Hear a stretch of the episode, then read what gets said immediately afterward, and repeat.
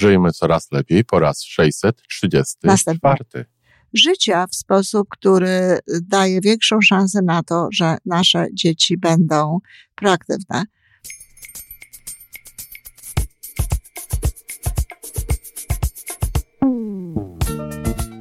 Witamy w kolejnym odcinku podcastu Żyjmy Coraz Lepiej, tworzonego przez Iwonę Majewską Opiełkę i Tomka Kniata. Podcastu z dobrymi intencjami i pozytywną energią, ale także z rzetelną wiedzą i olbrzymim doświadczeniem we wspieraniu rozwoju osobistego.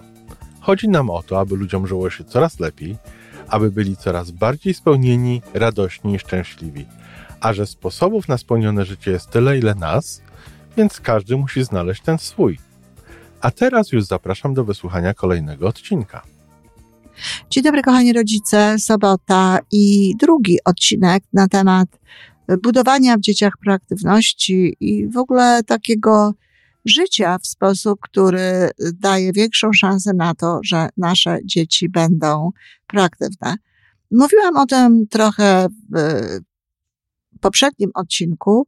Dziś chcę też powiedzieć, w jaki sposób, to dać po prostu przykłady, bo to nie jest łatwy temat, więc chcę dać tych przykładów jak najwięcej, w jaki sposób to można robić. Oczywiście będę się odwoływać do swojego życia i do życia moich klientów, osób, z którymi pracowałam, bo to wiem na pewno, że to działa i na pewno wiem, że tak można postępować, że tak można funkcjonować.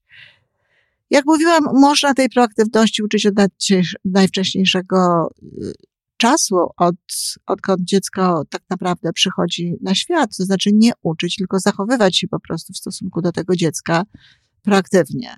No, trzeba dać mu świadomość tego, że pomiędzy tym, co on, ono robi, a reakcją nawet innych ludzi, no, może być przerwa, może być mały moment, w którym y, nie wiem, rodzice się zastanawiają, czy po prostu nie ma ich chwilowo tuż w zasięgu e, ręki, e, a wreszcie w jakimś momencie, kiedy te dzieci są już odrobinę starsze, no po prostu rodzice dają szansę dzieciom na to, żeby najpierw być może załatwiły sobie swój problem same.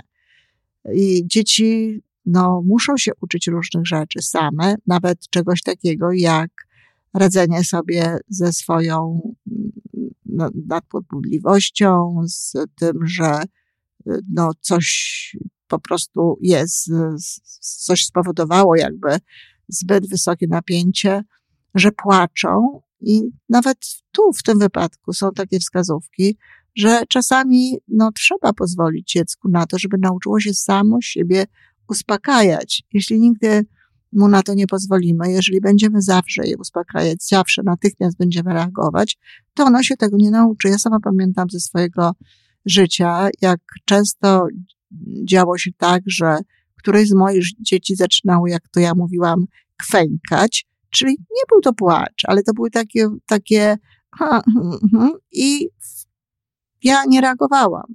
Natomiast widziałam sytuację, których ktoś tak robił, dziecko tak robiło i mama natychmiast reagowała.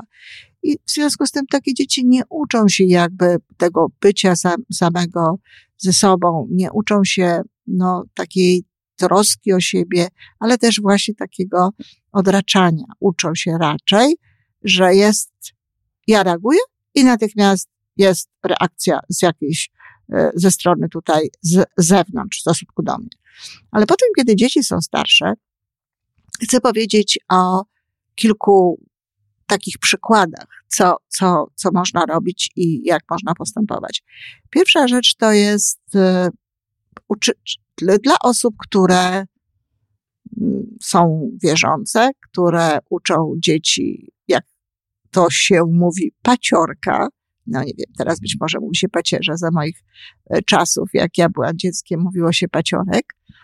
E, do dziecka i zresztą moja teściowa, która była w ogóle miłośniczką zdrobnień, ja lubię też zdrobniać, szczerze mówiąc, ale raczej imiona, tak też mówiła o pacierzu do dzieci. E, uczymy te dzieci, uczymy modlitwy do anioła stróża Czemu nie nauczyć je modlitwy, mm, którą przypisuje się różnym osobom, a która jest tak naprawdę drugą zasadą proaktywności. E, Boże, daj mi siłę zrobić to, co mogę zrobić, na co mam wpływ. Daj mi cierpliwość pogodzić się z tym, na co nie ma wpływu i daj mi mądrość odróżniania jednych rzeczy od drugich. To nie jest modlitwa dla dwulatka, ale już dla cztero, pięciolatka, tak.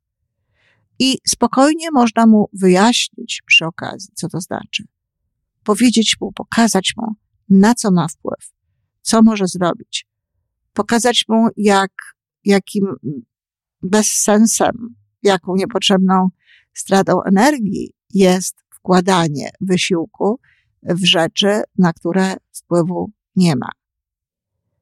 Uczyć go tej cierpliwości, pokazać mu, kiedy, kiedy może być cierpliwe jeżeli jesteśmy gdzieś w drodze, jeżeli nie ma możliwości pewnych zachowań, no to jest to czas na to, żeby przypominać mu wierszyk i żeby mówić na przykład o tej, o tej cierpliwości, że to jest właśnie ten moment, w którym może być ta cierpliwość ćwiczona.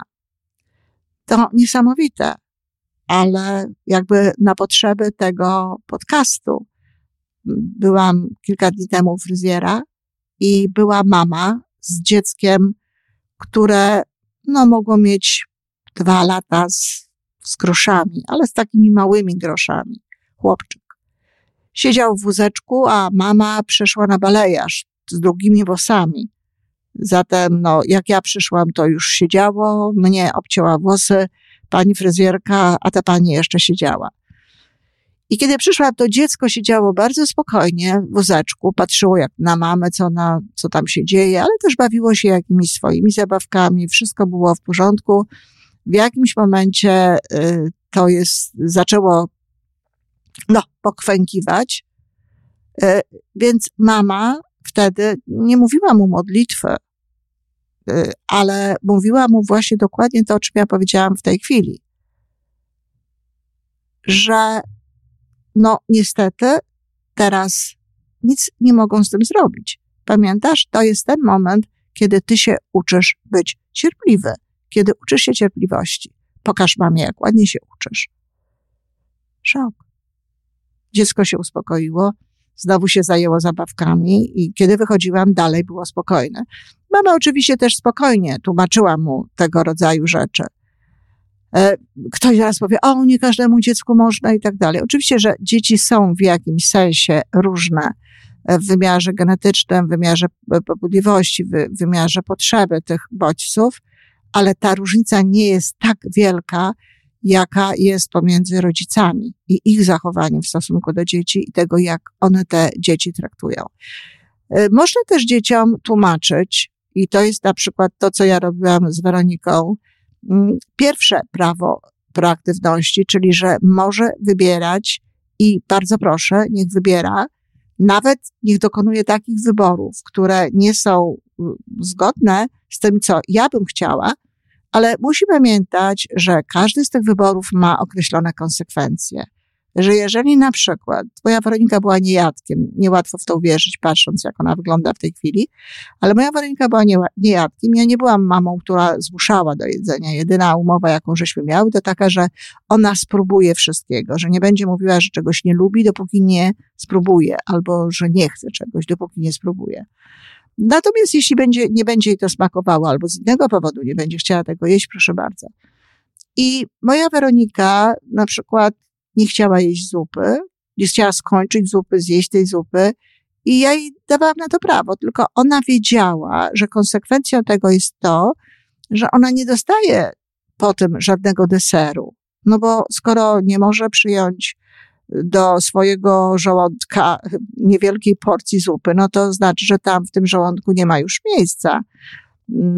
To jest prosta konsekwencja. Nie ma miejsca na żadne jedzenie. Jak również wiedziała o tym, że to nie będzie tak, że ona za chwilę powie, że ona jest głodna i dostanie ode mnie jedzenie, tylko następna, następny posiłek jest o odpowiedniej porze.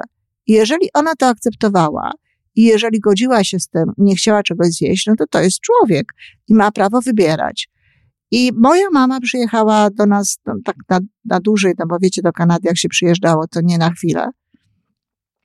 Przyjechała do nas i w jakimś momencie karmiła Weronikę, znaczy karmiła, asystowała e, przy tym jedzeniu. Nawet tam próbowała ją karmić. Weronika miała wtedy już prawie pięć lat. I Weronika w pewnym momencie powiedziała, że ona nie będzie jadła zupki. I na to moja babcia, ale Weronisiu, musisz zjeść. I to dziecko, niespełna pięcioletnie, powiedziało swojej babci, znacznie starszej, nie babciu, człowiek nic nie musi. Oczywiście ja potem miałam rozmowę z moją mamą. Moja mama nie była zachwycona sposobem, w jaki ja wychowuję dzieci, bo oczywiście ona uważała, że dzieci e, powinny uważać, że one muszą robić jakieś, jakieś rzeczy, jakieś czynności, które są dla nich dobre no faktycznie są takie czynności, które są dobre, jak na przykład mycie zębów. I to nie jest coś, co, co dziecko musi, tylko trzeba mu pomóc po prostu wy, wy, wyrobić sobie nawyk i nie będzie się nad tym zastanawiało, czy musi, czy nie musi, tylko po prostu będzie to robiło w sposób automatyczny. Oczywiście również trzeba tłumaczyć dlaczego. Natomiast ja uważałam, że dziecko ma prawo wybierać i Weronika wybierała i bardzo się cieszę, że ją wychowywałam w ten sposób. No, z Magdą tak nie od razu było bo to po prostu bardzo procentowało. Dlatego, że oczywiście na początku takie dziecko nie jest łatwiej wychowywać, ale kiedy to dziecko kończy tak mniej więcej 11-12 lat, to uwierzcie mi, fakt, że ono potrafi samo wybierać, fakt, że ono potrafi być proaktywne, no powoduje, że wybiera potem również w życiu rzeczy bezpieczne. Wiele dzieci e, e, wchodzi w jakieś używki, narkotyki, w alkohol bardzo wcześnie, z tego powodu, że raz nie mają poczucia własnej wartości i w związku z tym, no, e, łatwo jest je do czegoś innym ludziom namówić, robią pewne rzeczy, żeby się przypodobać, ale dwa, że nie mają właśnie umiejętności dokonywania wyborów. Nie potrafią same wybierać, bo nie były tego uczone. W związku z tym działają znowu na zasadzie jest bodziec, jest natychmiastowa reakcja. E, I rodzice dzieci, które, które mają prawo wybierać w domu, ale ponoszą tego określone konsekwencje, również lepiej potrafią sobie radzić, lepiej sobie, lepiej potrafią wybierać w przyszłości, lepiej potrafią dokonywać tych wyborów w przyszłości. Tak jak mówię, nas te wybory mogą nie zachwycać. To nie ma znaczenia. Naprawdę to nie ma znaczenia. To jest życie naszych dzieci i one dokonują tych wyborów. I to, co mnie zachwyca, na przykład, niekoniecznie zachwycają mnie wybory moich dzieci, ale to, co mnie zachwyca, to to, że je dokonują w oparciu o swoje wartości, w oparciu o to, co jest dla nich ważne, w oparciu o to, co jest dla nich najlepsze, a nie w oparciu o różnego rodzaju wpływy, które są gdzieś dookoła, łącznie z wpływami moimi, bo kto powiedział, że te nasze wpływy to są znowu takie tutaj świetne. A zatem warto jest w różnych takich sytuacjach do, dokonywać takich rzeczy. Częstym takim elementem, o którym rodzice rozmawiają, jest i proszą, żeby powiedzieć, jak to jest sprzątanie, sprzątanie pokoi e, dzieci to znowu jest coś, co warto jest zacząć bardzo wcześnie i co ma wielki związek z proaktywnością. No ale o tym sprzątaniu pokoików to powiem już następnym razem. Tutaj tylko chcę jeszcze jedną rzecz y, podkreślić, jeden, tak, jedno takie zatrzymanie, jedną taką szansę na proaktywność, na odpowiedzialność, na wybór. Dzieci bardzo często przychodzą do nas z problemami, które nie są problemami takimi, żeby natychmiast trzeba było reagować. Czym innym jest sprawa, kiedy dziecku na przykład y, zgubiła się łopatka w piaskownicy, gdzieś się zakopała, no to wówczas po zapytaniu, a, a próbowałaś jej poszukać, próbowałeś y, odkopać tę łopatkę, jeśli słyszymy tak, no to oczywiście idziemy temu dziecku, czy chcesz mojej pomocy? Tak. E, idziemy temu dziecku pomóc tę opadkę odkopać i jak najbardziej, dlatego że dziecko dobrze jest, żeby czuło, że ma oparcie, że ma wsparcie rodziców. Ale czasami dzieci przychodzą na przykład z problemami e, ze szkoły, czy z jakąś, czy chcą coś, coś, e, żeby im coś załatwić, coś im dać, coś im wymyśleć, to wtedy warto jest, ja nie pamiętam od kogo to zapożyczyłam, bo to ja tego nie wymyśliłam, ale zapożyczyłam to od kogoś bardzo dawno temu i nawet nie jestem pewna, czy to były te dwa słowa, ale na pewno chodziło o te dwie rzeczy.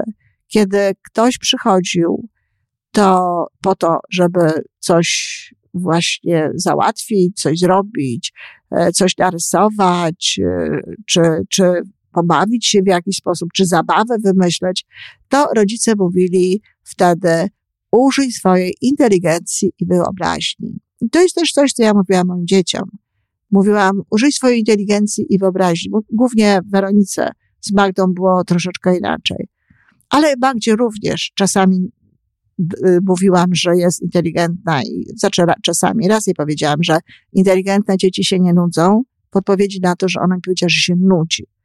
I e, oczywiście porozmawiałyśmy na ten temat. Do dzisiaj pamięta zresztą tę moją e, wypowiedź, ale to jest coś, co, co jest też ważne, żeby powiedzieć dziecku, użyj swojej inteligencji i wyobraźni. Z jednej strony dajemy dzieciom no, taką siłę i pokazujemy im, że my wierzymy w tę ich inteligencję, że my wierzymy w tę wyobraźnię, że one to mają, e, a zatem wzmacniamy je jakby. A z drugiej strony, no, odsyłamy je do tego, aby same zajęły się jakimś swoim zadaniem, żeby same zajęły się jakimś swoim problemem, żeby same zrobiły coś, co można zrobić. Niekoniecznie mamusiu pokaż, mamusiu zrób, mamusiu narysuj, tylko no, niech to wychodzi od tych dzieci. I wtedy naprawdę od dzieci wychodzą rzeczy fantastyczne, często lepsze niż te, które stworzyłaby mama. A zatem tak podsumowując, to znowu warto jest rozmawiać. Można uczyć modlitwy, tłumacząc jednocześnie, czym ta modlitwa jest. Im więcej, im, bar, im starsze będzie dziecko, tym więcej będzie wiedziało, więcej będzie rozumiało. Można uczyć dzieci cierpliwości, mówiąc im o tym, że to jest właśnie ćwiczenie na cierpliwość, ponieważ nie bardzo tutaj można coś zrobić, nie bardzo można zmienić tę sytuację, nie mamy na to wpływu, w związku z tym można to, mm, tej cierpliwości się uczyć.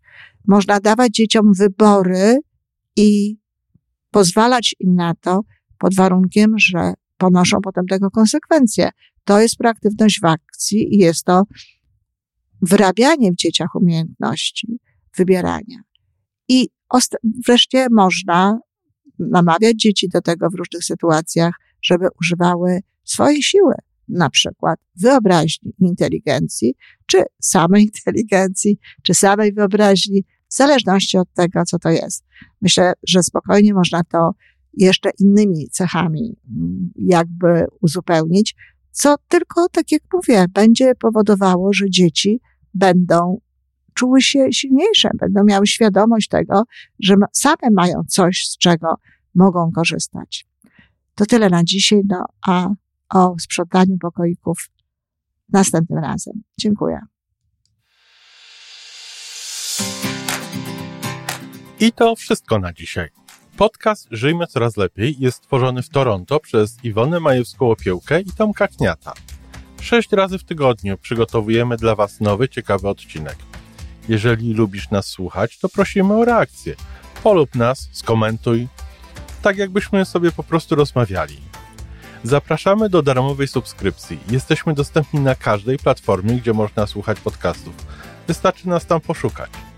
A po więcej informacji zapraszamy na stronę www.majewska-opiełka przez l.pl. Jesteśmy też na Facebooku i na Instagramie. Jeżeli uważasz, że nasze podcasty pomagają Ci w Twojej drodze do jeszcze lepszego życia, to proszę, przedstaw nas swoim przyjaciołom. Do usłyszenia.